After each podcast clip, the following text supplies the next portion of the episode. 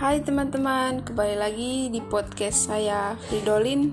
Baik, kali ini saya akan membahaskan tentang 5 cara mengatasi kejenuhan ketika belajar daring di masa pandemi ini. Baik, eh, jadi ada 5 cara ya. Yang pertama, luangkan waktu untuk hal-hal yang kamu sukai. Jadi di sini eh, teman-teman jika merasa jenuh atau bosan dengan pembelajaran daring.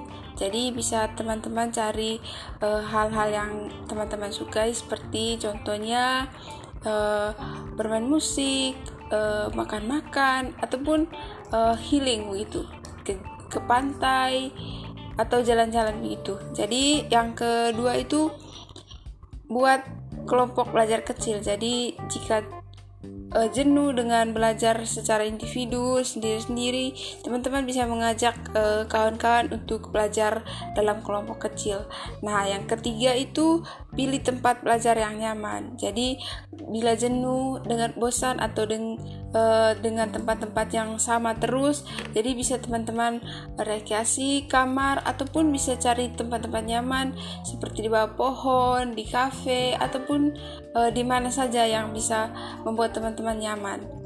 Nah, yang keempat itu gunakan media belajar yang sesuai dengan uh, model belajar kamu. Jadi, uh, misalnya model belajar kamu kan visual, ada visual, nah bisa uh, teman-teman gunakan. Nah, di situ kan bisa uh,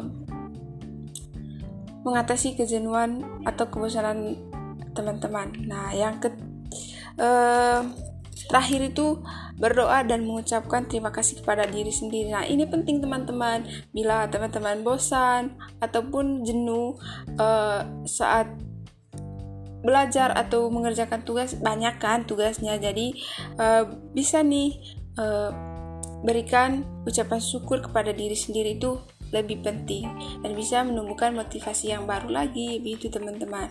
Nah itu saja dari tips uh, dari saya untuk teman-teman untuk mengatasi kejenuhan belajar online di masa pandemi ini. See you next time. Bye teman-teman you